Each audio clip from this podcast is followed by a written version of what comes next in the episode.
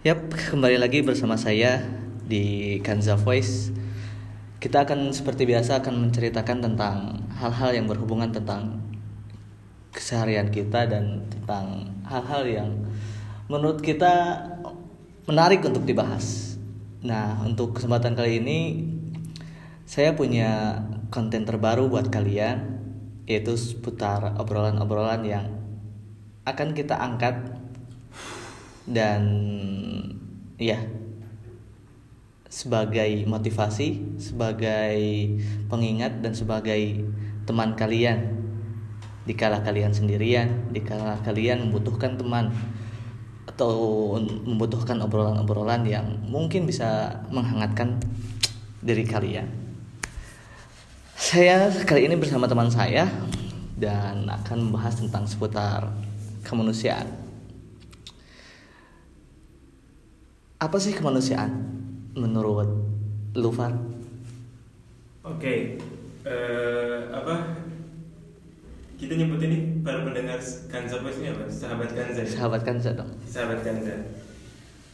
Kalau saya pribadi atau gimana biar bahasnya lebih enak gue kali ya. Kalau gue pribadi nggak ada definisi khusus untuk kemanusiaan. Karena menurut gue kemanusiaan itu universal, universal. Eh, melihat dari Wikipedia misalnya, melihat dari Wikipedia, Wikipedia mengatakan bahwa kemanusiaan adalah kebaik, eh, kebaikan yang berkaitan dengan etika. Kebaikan yang berkaitan dengan etika asas altruisme yang diperoleh dari keadaan manusia. By the way, altruisme itu adalah amalan untuk mengutamakan orang-orang lain berbanding diri sendiri. Ah. Itu sih menurut Wikipedia ya. Oke. Tapi saya sih ingin dengar apa sih menurut sisi kemanusiaan lo?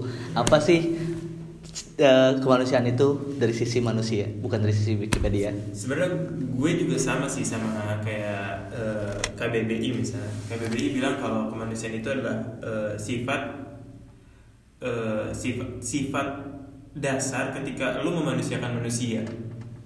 Sebenarnya sedikit ada sedikit ambigu kalau dari istilah eh, apa yang KBBI lontarkan ya. Memanusiakan manusia itu gimana? Sebenarnya KBBI itu KBBI sendiri pun udah nyadar kalau setiap manusia itu punya fitrahnya sendiri untuk memanusiakan manusia. Jadi kalau dijabarkan lagi malah buram jadinya. Contohnya kayak gimana? Kita biasanya kalau nggak bisa kita pahami dari suatu definisi, mungkin Contoh ya. kita akan Oke. lebih enak untuk dengerin contoh. Contoh gini. Eh, misalnya ada pencuri, ada pencuri. Pencuri sendiri pun tahu kalau misalnya barang yang dia ambil, kalau ada orang misalnya ada orang ngambil barangnya dia, dia akan marah. Pencuri kalau ngambil barangnya orang lain, berarti dia mencuri haknya orang lain dong. Nah, pencuri itu sendiri pun tahu kalau barang eh, kalau barangnya dia diambil, dia sendiri akan marah. Jadi kemanus eh, kemanusiaan itu adalah mengambil hak orang lain secara bebas bebasnya ya, mengambil hak orang lain. Emang yang namanya mencuri itu keluar ya dari koridor kemanusiaan. Pada saat dia mencuri hak orang lain dia keluar dari koridor kemanusiaan. Terus ketika mencuri yang tampil apanya tuh? Sifat kehewanannya mungkin. Karena keegoisannya dia, kemarukannya dia. Jadi menurut lo orang kalau eh, dia itu keluar perilakunya itu keluar dari koridor kemanusiaan berarti yang muncul bukan manusia sebagai manusia dong lagi dong sebagai hewannya Iya, kema- eh, kehewanannya dia yang keluar. hewani emang Hewani. emang kenapa gitu emang di dalam diri manusia itu ada dua ya sisi kemanusiaan dan sisi ke- Oh jelas dong. Manusia kan berbeda dengan makhluk yang lain. Manusia diberi akal, diberi akal. Ketika dia mengambil hak orang lain, berarti dia menghilangkan akalnya dong. Hmm. Which is dia tahu kalau meng- me- kalau mengambil hak orang lain itu adalah buruk. oke Oke. Ketika dia mengambil hak orang lain atau artinya dia melakukan tindakan keburukan, berarti akalnya nggak nggak digunakan pada saat itu. oke Dan ketika akalnya nggak digunakan pada saat itu, yang tersisa cuma sifat kehewanannya aja. Oke gini gini gini. Eh, lu kan bilang bahwa manusia itu ada sisi hewani ada sisi Heeh. Insani. Iya. Dari sisi Akal. akli lah. Oke. akal ketika orang itu berjalan sesuai akal dia manusia dong karena dia manusia ya. Mhm. ketika dia berjalan sesuai naruli hewannya berarti dia juga tetap manusia dong. Karena hewan juga ada di dalam diri dia sendiri. Iya. berarti itu ma- masih masuk dalam koridor kemanusiaan dong kalau kayak gitu. Eh, loh, kan kita, kita- oke menurut Buya Hamka, menurut Buya Hamka, kemanusiaan adalah eh, makhluk yang berbudi akal, yang berbudi akal. Dan Buya, eh, Buya Hamka pun menafsirkan lagi apa yang maksud dengan akal tersebut. Akal tersebut adalah membedakan yang baik dan buruk. oke Nah, Secara nggak langsung berarti Buya Hamka ingin eh, menegaskan dong bahwa manusia adalah orang yang bisa membedakan eh, baik antara baik dan buruk. oke Kalau dia mencuri hak orang lain, berarti dia nggak bisa membedakan dong antara baik dan buruk. Berarti sudah lepas daripada Sudah lepas dari kemanusiaan. Menurut Yes. yang yang yang gue pahami dari perkataan gue Hamka ya. Iya. Tapi iya sih bisa karena yang maksud dengan manusia kan seperti lo bilang bahwa itu ada terdiri dari hewan dan akal. Tapi kedua-duanya itu tetap bersatu. Mhm. Kalau salah satunya bisa berarti udah bukan manusia do- lagi. Nah, Iya. iya. Nah, Nah terus kalau akalnya udah hilang misalnya, atau misalnya lu udah ngambil udah udah, udah ngambil hak orang lain, which is lu udah ngilangin sisi ke akalian lu lah atau sisi akal, sisi akal. Yang tersisa, yang tersisa sisi kehewaniannya aja kan. mm-mm. Terus apaan yang di apaan yang diuntungkan dari sisi kehewanian? Hmm. Contoh-contoh kehidupan kita yang lain ketika dia itu keluar dari kemanusiaannya, kita meninggalkan perempuan itu termasuk Ah, A- kalau apa itu kalau itu nggak tahu tuh antara sisi kemanusiaannya hilang atau dirampas atau gimana? Rumit rumit kalau masalah cewek ya kalau masalah cewek rumit. Rumit. Karena emang eh gue gue pribadi bukan orang yang eh, tidak eh, tidak setuju dengan adanya gender equality ya, atau feminisme cuman kalau dari kacamata gue sebagai cowok urusan perempuan tuh lebih rumit daripada urusan kemanusiaan next time deh kalau ada waktu kita bahas masalah Oke, feminisme oke, kita tunggu nantilah. Jadi, oh, jadi kesimpulannya bahwa yang namanya orang kalau masih ber- yang yang namanya orang berjalan dalam sisi kemanusiaan itu ketika dia itu nggak melepaskan koridor akalnya ya. Hmm. Kalau udah lepas daripada koridor akalnya, berarti yang muncul bukan sisi kemanusiaan tapi sisi kehewaniannya dia kehewaniannya dia. iya Oke. Gini, eh, ada perkataan dari Nabi Muhammad, Nabi Muhammad ini sebenarnya simpel dan dalam. Apa tuh? Nabi Muhammad pernah berkata bahwa man la yarham la yurham. Siapa yang tidak menyayangi dia, siapa yang tidak akan sorry, siapa yang tidak menyayangi dia tidak akan disayangi. Jadi simpel kan maksud gue kalau- lu nggak ngambil hak orang lain, ya hak lu nggak bakal diambil orang lain, Oke. gitu. tapi kita lihat gitu dalam kehidupan kita gitu kan lu pernah ngerasa ngerasa nggak ya kalau terkadang apa yang dilakukan hewan ternyata lebih lebih eh, melampaui apa yang dilakukan oleh sebagian manusia Setuju banget, Pak. Itu itu benar-benar real, ada asli di, di, di, di dunia nyata ya. Itu benar-benar ada. contohnya gini anjing aja anjing anjing kan dikenal dengan eh, kesetiaannya gitu kan Hmm. saking setianya ketika majikannya hilang aja dia pasti nungguin terus di sana kan Hmm.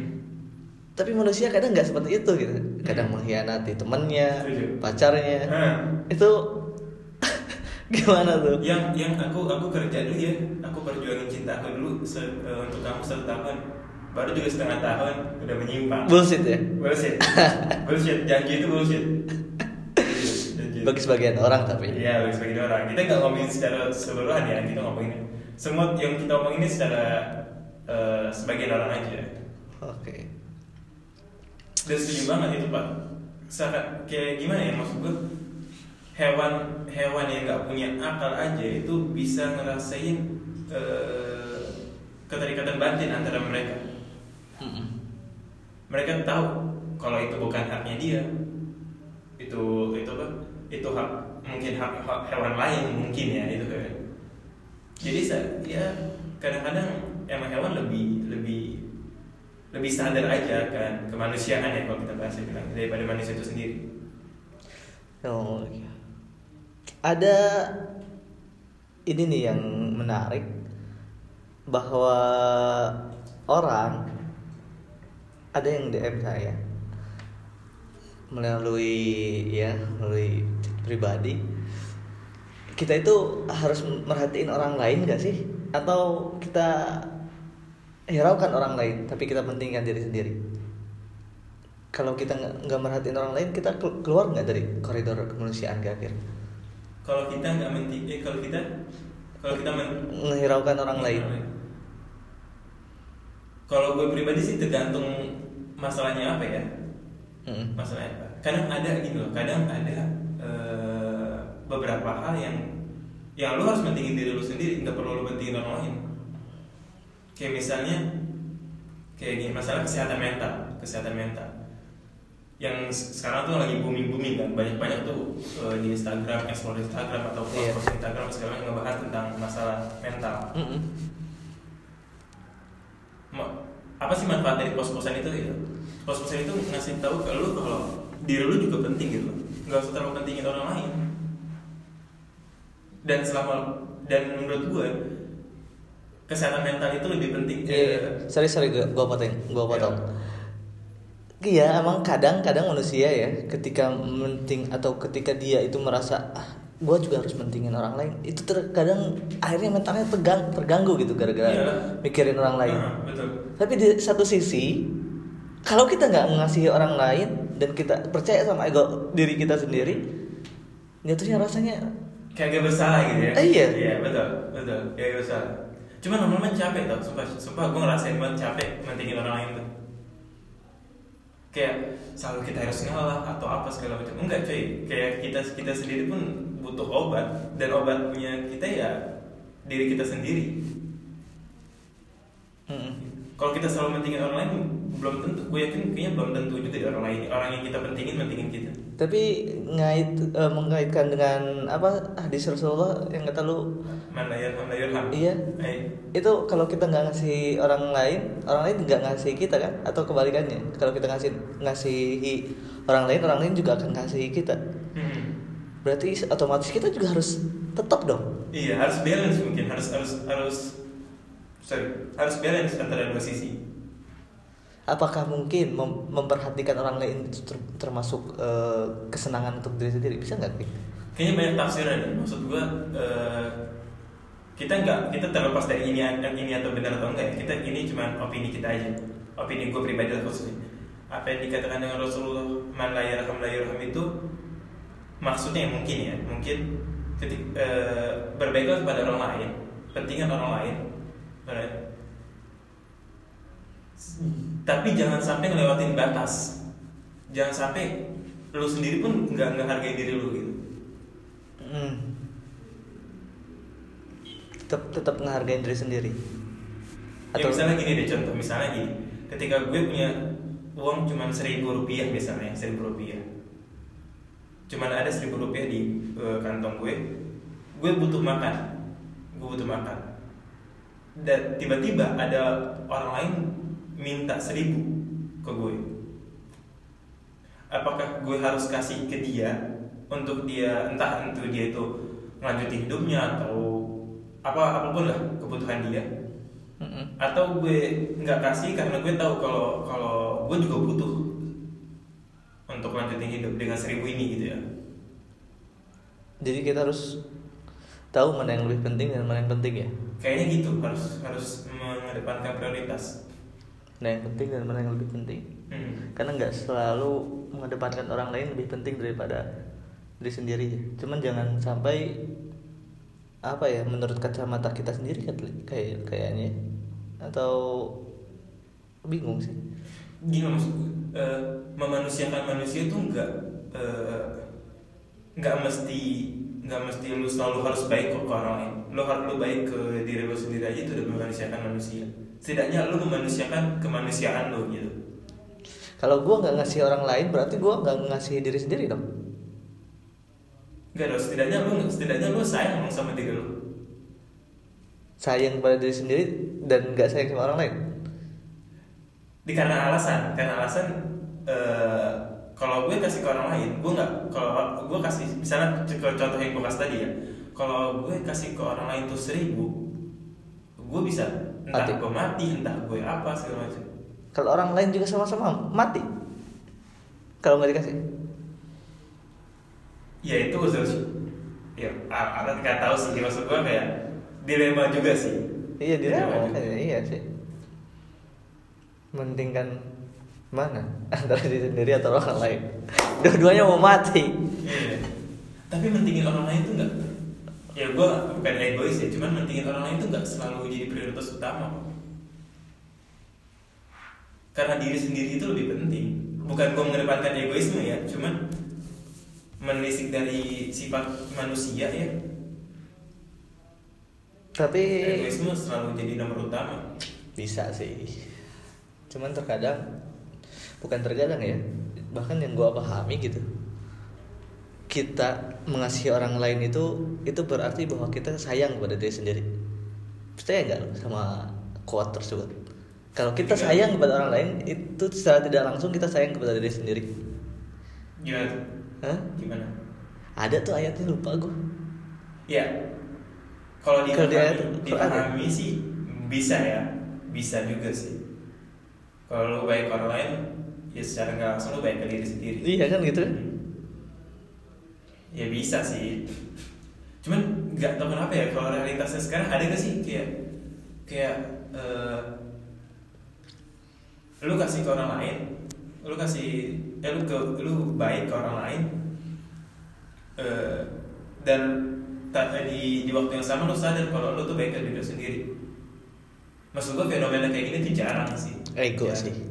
Ego ego orang tinggi banget. Dan- Ego itu sumpah. salah satu eh, penyebab men- menurunnya kemanusiaan adalah egoisme. Asli. Ego itu musuh gitu. Tapi nikmat kalau ada ego. Nikmat, Sumpah. nikmat banget. Sumpah gue nikmat.